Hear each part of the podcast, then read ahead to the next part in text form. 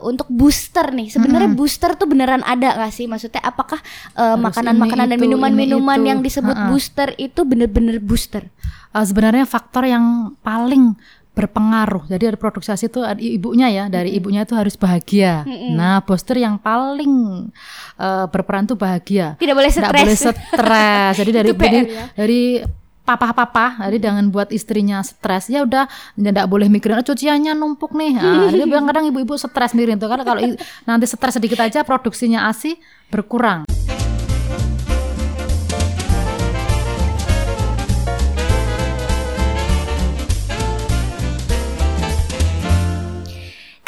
Lagi di Mom Stock dari Mama untuk Mama. Yeay, tangan. Hai Moms di rumah atau Moms di mana pun kalian berada.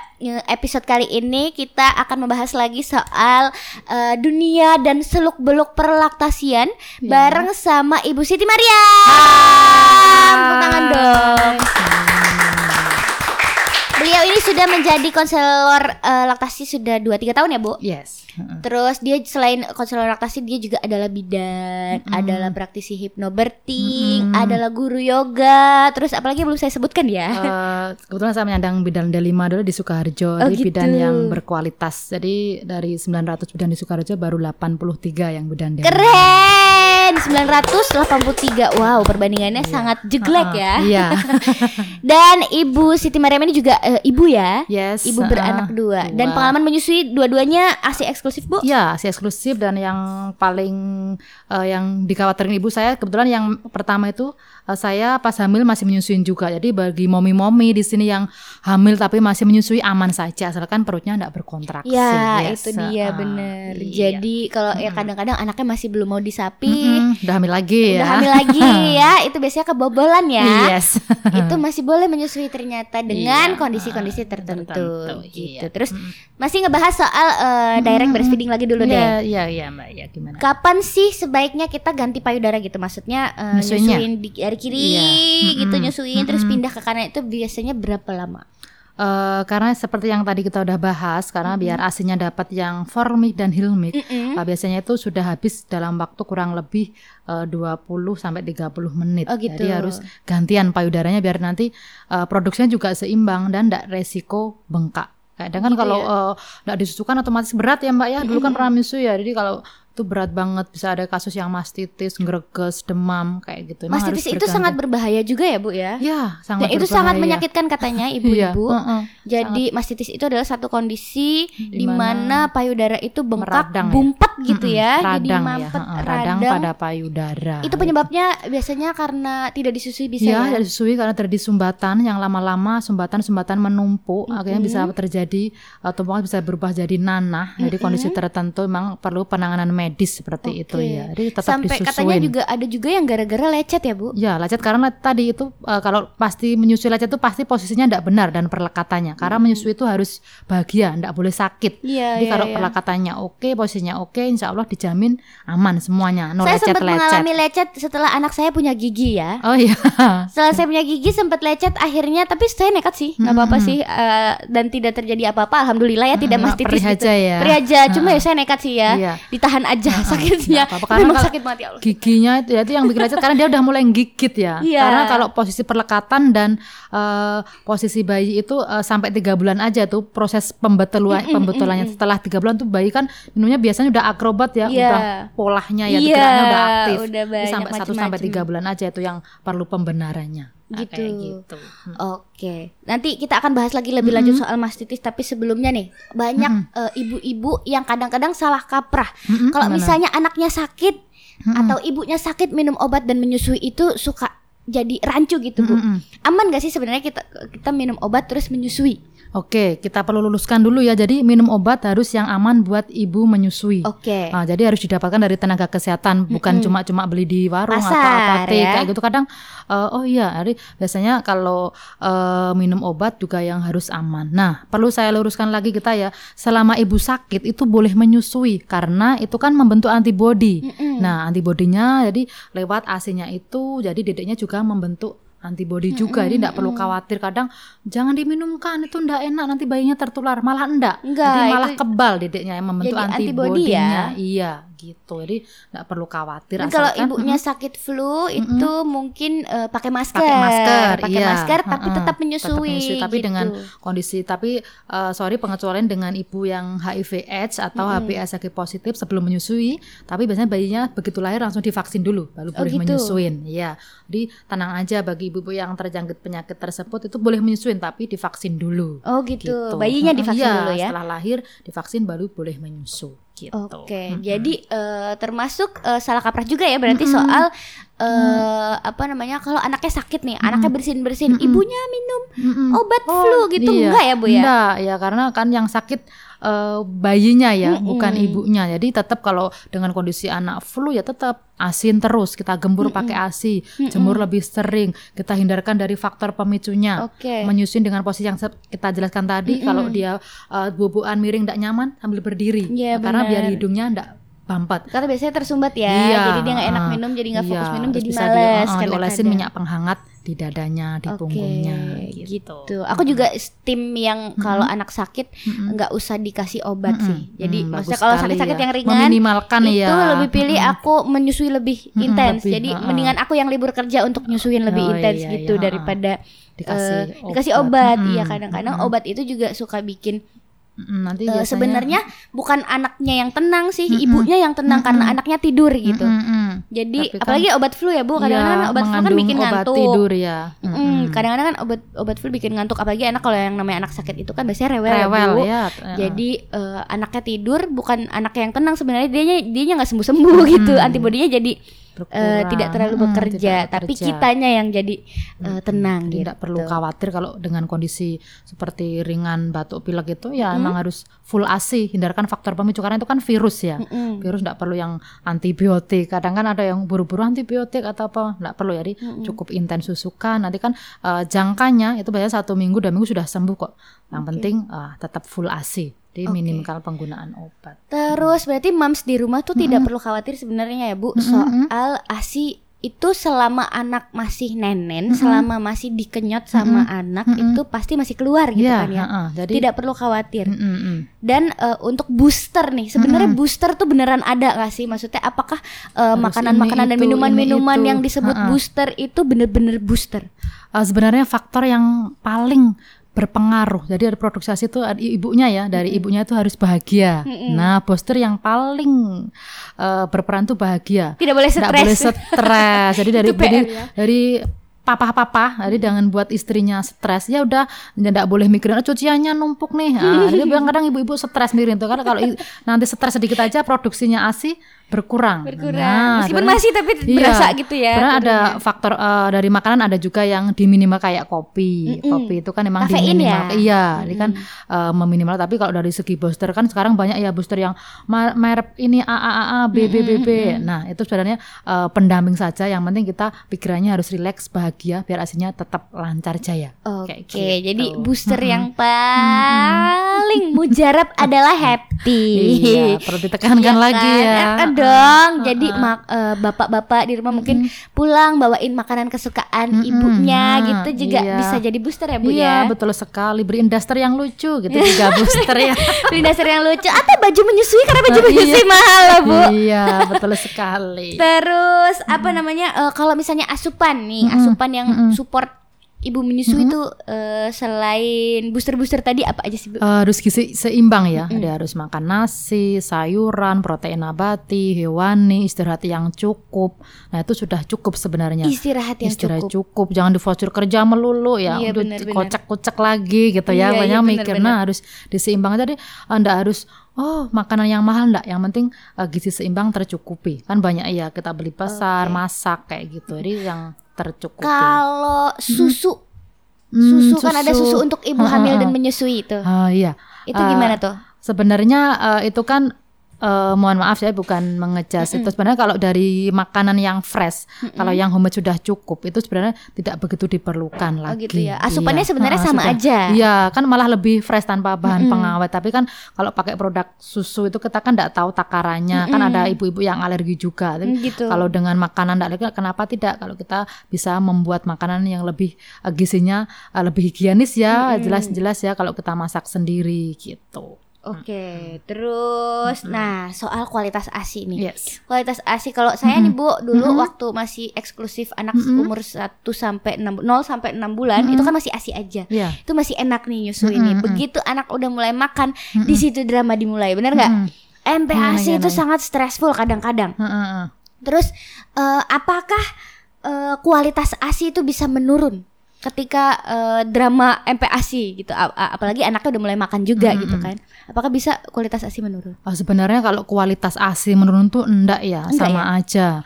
Jadi dari awal sampai akhir kalau kita istilahnya gizinya tercukupi, pikirannya rileks, kualitas ASI tetap. Jadi kan enggak terbandingkan. Jadi komposisinya eh, tetap ya, tapi nanti yang berubah kadang kadar laktosanya, Iya, kadar iya, iya, proteinnya mulai beda lagi. Apalagi kalau masih Heeh. baru newborn itu ada Iya, kolostrum ya, ya, kolostrum itu kan nanti eh, di depan yang ASI yang paling keluar saat tiga hari pertama. Jadi tetap jadi kan kebutuhannya si bayi itu eh, yang apalagi udah MPASI kan dari ASI saja itu cairannya boleh dari air putih, eh, buah-buahan, Air putihnya mateng ya, sayur-sayurannya, mateng lah kak. Iya. Harus dimasak dulu ya. Kadang-kadang ada beberapa eh, moms yang kasih langsung dari galon gitu ya, Oh, nggak iya, dimasak iya. dulu. Kalau saya sih masih sampai sekarang Iya, karena emang eh, bakterinya biar mati, emang yang paling bagus air rebusan sendiri. Kalau orang desa godokan ya. Godokan. Iya, heeh. Ini lo- paling bagus jadi bakterinya benar-benar sempurna matinya. dan mineralnya juga mineral eh, natural ya, Bu ya. Mm-mm. Terus berarti ASI itu tidak bisa menurun sebenarnya sama aja tergantung kitanya gimana stres atau enggak, asupan eh, gizinya, si Gizinya, ibu cukup atau iya. enggak, bener Mm-mm. atau enggak tidurnya cukup atau enggak Mm-mm, gitu iya, ya ternyata. gitu, iya. Oke, aku sangat teredukasi. Terima kasih Ibu Mariam. Iya, oke. Berikutnya Mm-mm. ada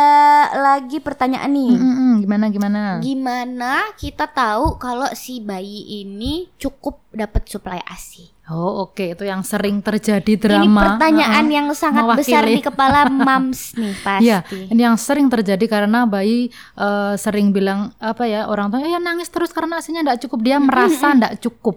Iya. Lingkungannya kadang ya ibu Yang- dikasih susu aja. Iya, karena enggak cukup nangis terus rewel terus Lewat gitu. terus lapar itu. Sebenarnya tanda bayi kecukupan ASI pertama pipis dari pipisnya ya. Oke. Pipisnya kalau sudah lebih dari enam kali itu sudah dipastikan kecukupan ASI.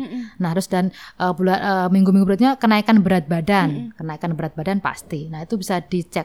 Makanya ibu-ibu kalau sudah konsul ke saya gibanya pipisnya udah berapa kali? Enam kali ada ada ya? Tapi masih rewel ya ndak apa-apa karena misalnya kan komunikasinya dede itu kan baru sama nangis aja. Jadi kalaupun dia rewel kita cek eh, dia eh, pup ndak dia nyaman digigit sesuatu ndak kayak gitu ya. Jadi eh, ndak harus dikasih pendamping yang lainnya.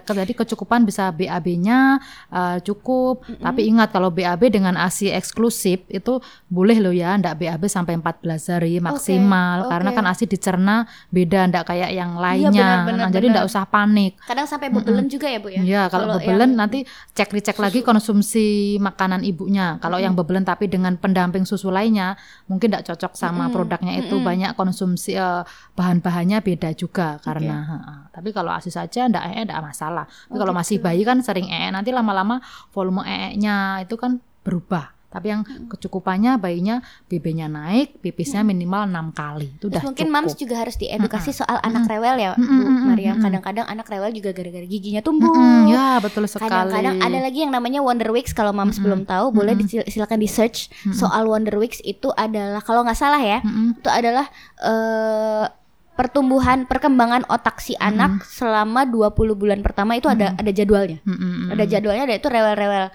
di bulan kesekian, minggu kesekian selama berapa minggu itu ada jadwalnya Bu Mariam Mm-mm. Soal Wonder Weeks. Dan ini yang sering terjadi juga di moms yang mungkin belum tahu soal Wonder Weeks. Itu biasanya dikira anaknya sakit dikasih obat. Hmm, mm-mm. gitu. Padahal Wonder Weeks itu memang dia sedang berkembang otaknya, Otaknya gitu. mak- sama ada growth spurt juga. Ini Iya, juga pengalaman spurt, aku nih iya, dan ada heeh. pertanyaan soal ASI di growth Iya, spurt. heeh. anak kalau lagi growth spurt alias kalau tadi Wonder Weeks adalah perkembangan otak, Otak, kalau growth growth spurt itu ke badannya. Iya, tumbuh kembangnya tumbuh ya. kembangnya ke Mm-mm. badannya. Ada yang tiba-tiba dalam satu malam Nenek. eh, apa terus. namanya eh, tingginya Rewel. bertambah Mm-mm. 1 sampai 2 cm. Mm-mm. Cuma dalam satu malam. Itu Mm-mm. yang terjadi ketika growth spurt. Bayangin aja kayak badan dijembeng, pasti kan rewel ya, Bu ya. Ya, itu sering terjadi. Dan itu biasanya anak kalau lagi growth spurt itu nenek Nenen terus. terus. Itu bisa itu juga sempat meyakinkan aku Bu karena kalau lagi growth spurt tuh kayak neneknya sampai kempot.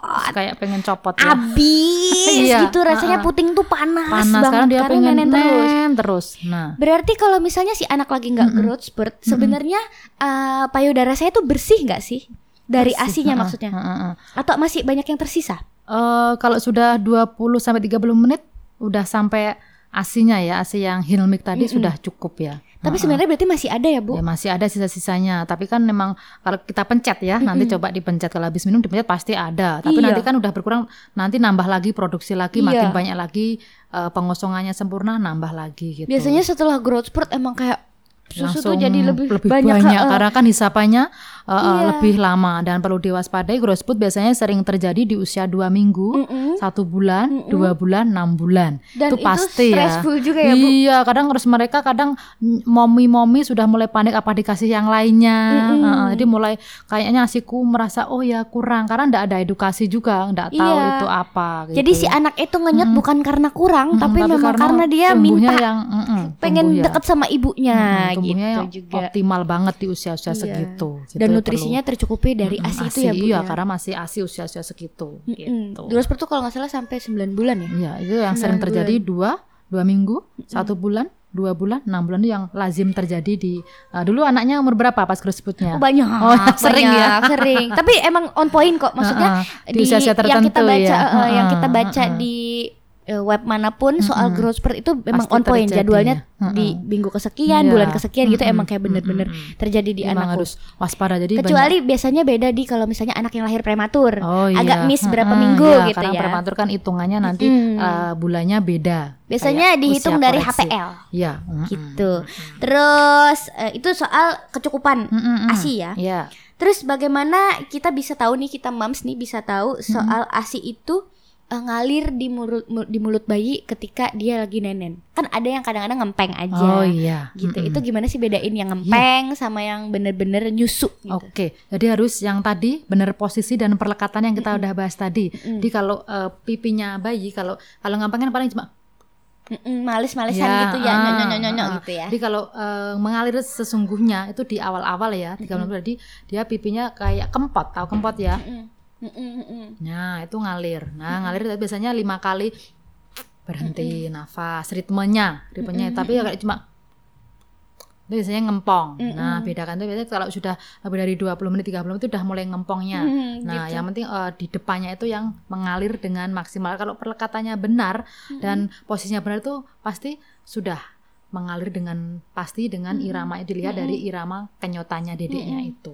Gitu ya. Mm-mm. Jadi dilihat cuma-cuma dia diem ini atau dia udah Hmm. kempot pipinya itu ya. gitu terus oh, berarti observasi lebih lanjutnya adalah kita tahu si anak ini menyusu dengan baik dengan eh, berat badannya ya Iya, berat badan terutama yang belum. MPASI Mm-mm. jadi kalau misalnya berat badannya Sesuai di- kenaikannya uh-uh, kan ada yang normal. uh, ada yang 900 per bulan, 800, 700. Nah, itu ada kita kalau punya bayi punya buku KMS ya. Ya, ya, nah, itu standar kenaikan berat badan pelajari di situ ada lagi. Gitu standar ya. normalnya berapa bulan ini bulan ini. setelah enam bulan pertama eh, ASI kebutuhan ASI itu berapa persen sih bu Oh, masih ASI dan MPASI itu berapa masih persen 70 persen 70% ya, ASI, Iya, 30% dari MPASI MPASI. karena beda nanti masih belajar ya MPASI-nya itu pelan-pelan menyesuaikan Iya, iya. lambungnya. itu sampai berapa 9 bulan Mm-mm, sampai 9 bulan jadi masih. 6 sampai 9 bulan Mm-mm. kebutuhan ASI itu masih Masih 70 persen mams 70%. jadi masih Nanti harus tetap dinenenin ya Iya, nenek nanti sudah uh, bertambah lagi usianya, beda lagi nanti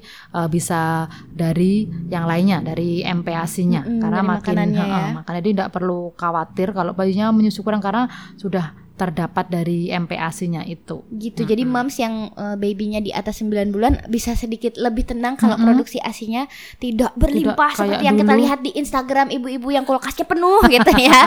Kadang itu juga itu sangat ya. intimidatif ya buat ngelihat kulkas yang penuh-penuh uh, dari asi pera itu. Iya, kadang malah Aduh, aduh tuh kok tidak bisa banyak seperti banget? itu? gitu ya.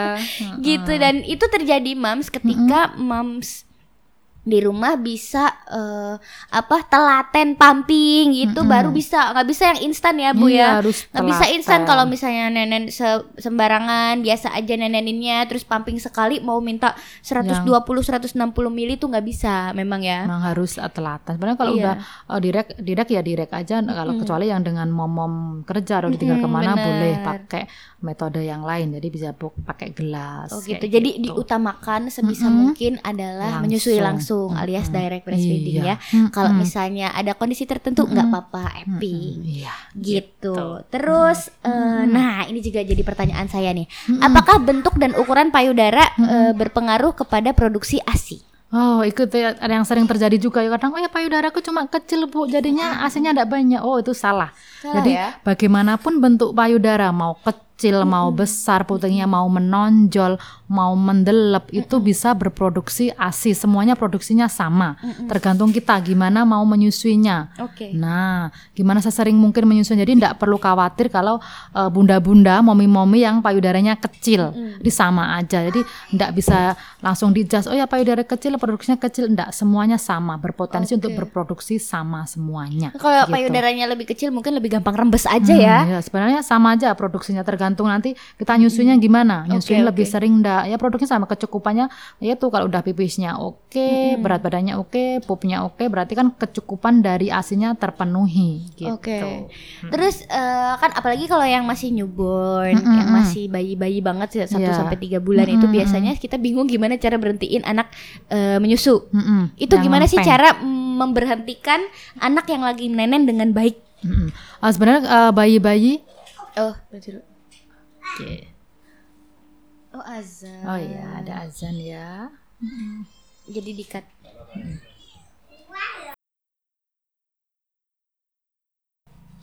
Tadi soal apa tadi ya? Dia apa? Eh, Oh, memberhentikan member- bayi. oh waktu iya, memberhentikan bayi saya menyusuin. Ah, ah, Oke, oke. Yes. Udah mulai?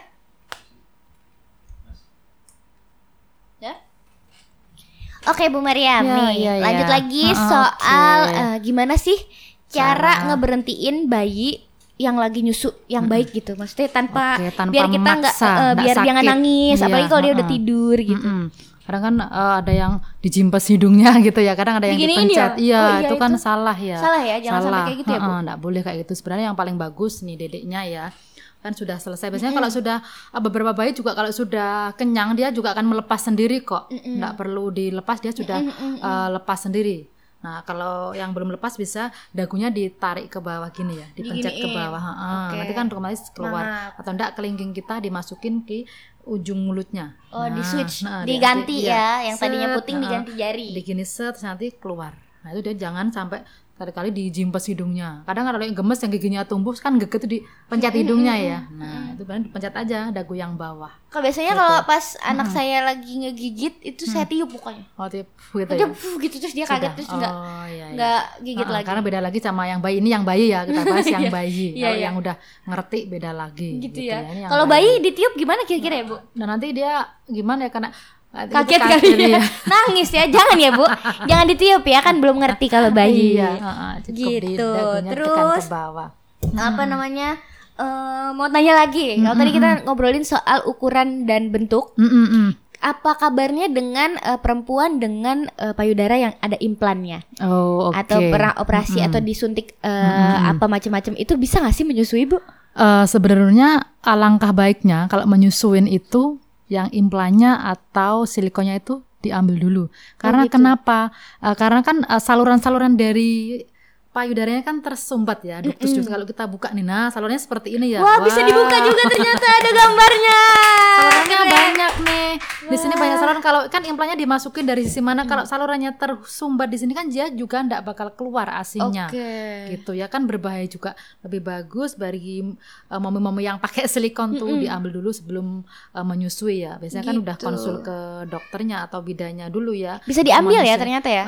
Apa Baru ya, tahu aku. silikonnya silikonnya ya diambil dulu kan udah operasi melalui operasi Oh, ya bisa ya, Bu? dokter bedah ya di- bisa diambil karena silikon kan bisa uh, kan cuma benda asing ya istilahnya Dia sama kayak dokter gel gitu ya bentuk gel Bu? ada yang kayak eh, implan gitu juga ada tergantung bahannya. Jadi kan emang Hmm. bahan-bahan berbahaya istilahnya ya untuk eh, produksi asinya tuh mengganggu juga karena gimana mau eh, keluar asinya kalau di sini dikasih Hmm, benar-benar. sumbatan-sumbatannya gitu. Emang Benar enggak gitu. lebih baik emang dikeluarkan dulu sebelum menyusuin gitu Oh, ya, gitu. operasi dulu gitu. Oke, terus eh ini terjadi kepada saya dan mungkin ada banyak mams di rumah Mm-mm. juga yang se- semenjak menyusui itu jadi lebih gampang lapar, Oh iya. ya kan? Menyusui bikin gemuk itu bener adanya nggak sih, Bu? Oh enggak enggak juga ya. Nggak juga Jadi, ya? oh, mitos-mitos kadang aku takut nyusuin karena takut gendut. Enggak, Mm-mm. enggak juga karena ada beberapa momi-momi juga yang nyusuin badannya tepat tetap ideal ya, Mm-mm, tetap mm-mm. eh, body goal banget gitu ya. Tergantung kadang kita eh, menyusui kan emang gampang lapar. Nah, kita makannya gimana? Kadang kita ngamuk aja tengah malam juga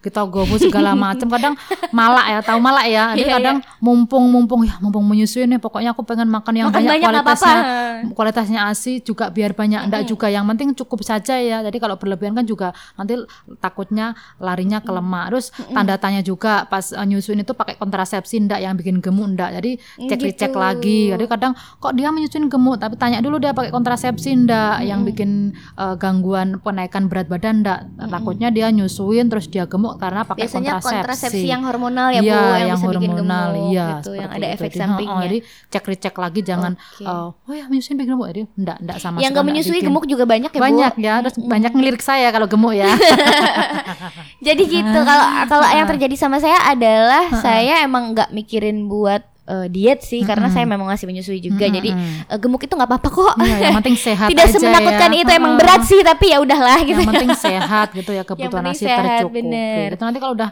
itu udah mulai kalau udah nyusuin biasanya sudah mulai diet lagi memperhatikan tubuhnya lagi Iya. Betul, gitu. karena emang eh, yang terjadi sama saya waktu itu eh, bulan puasa lalu Mm-mm. itu saya kan mencoba buat puasa. Mm-mm. Mencoba buat puasa waktu itu kondisi anak saya tuh masih Berapa? ASI eksklusif. oh iya. Masih ASI eksklusif usianya. Waktu itu Mm-mm. belum makan. Mm-mm. Jadi yang terjadi adalah saya lemes, Bro. iya lemas bayinya kadang juga lemes ya. Lemes banget dan Heeh. terus tapi ini juga Iya, kayaknya eh, kempes gitu. Iya, Jadi sebenarnya akhirnya kan ada trik-triknya bukanya gimana, sahurnya gimana, karena kan ada trik-triknya. sebenarnya cuma iya. saya waktu itu Baru memutuskan awal ya. untuk Heeh. memutuskan untuk kasihan anaknya juga lah ya udahlah akhirnya saya pilih bayar video aja. Iya, Oke. gitu. Eh terus pertanyaan berikutnya Iya, adalah mm-mm. mungkin nggak sih eh, kita menyusui terus anaknya gagal tumbuh karena itu kan pasti jadi kekhawatiran untuk mams di rumah ya. Ya, kita cek Gagal tumbuh gara-gara menyusui itu mungkin.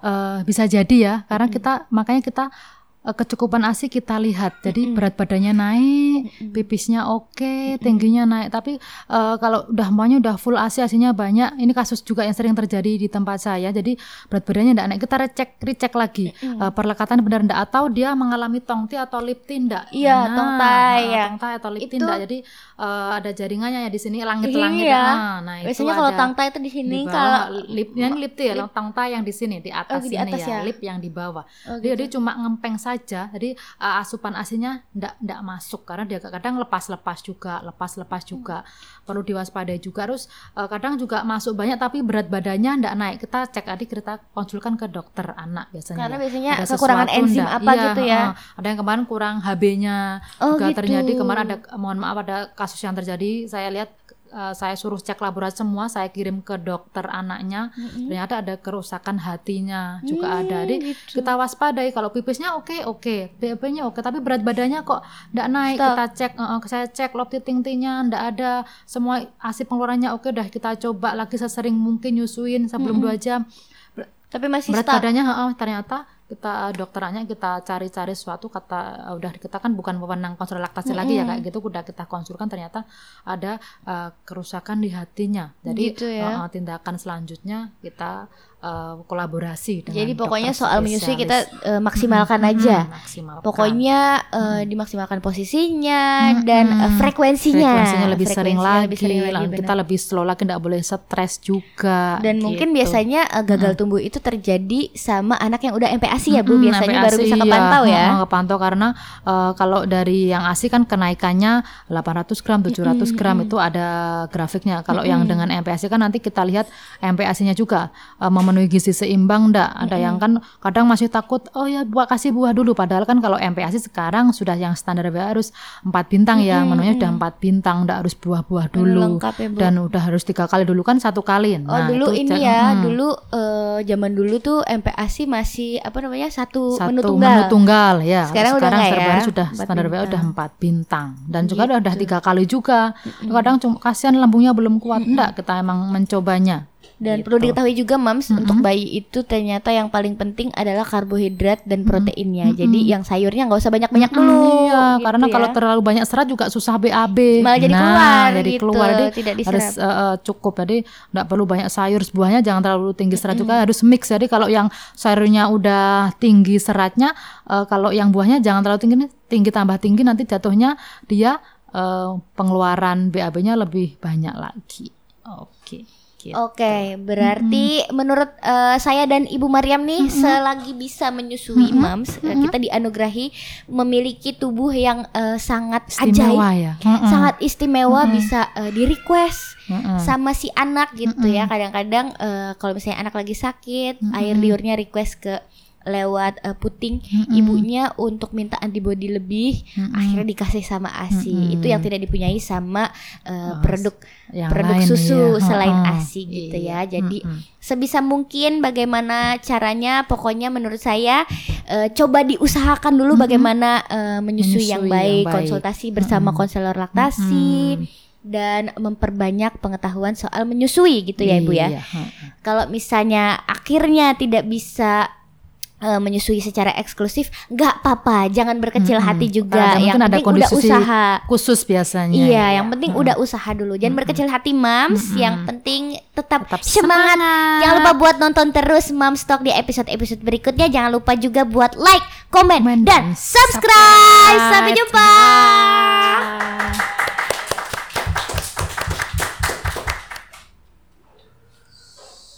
Title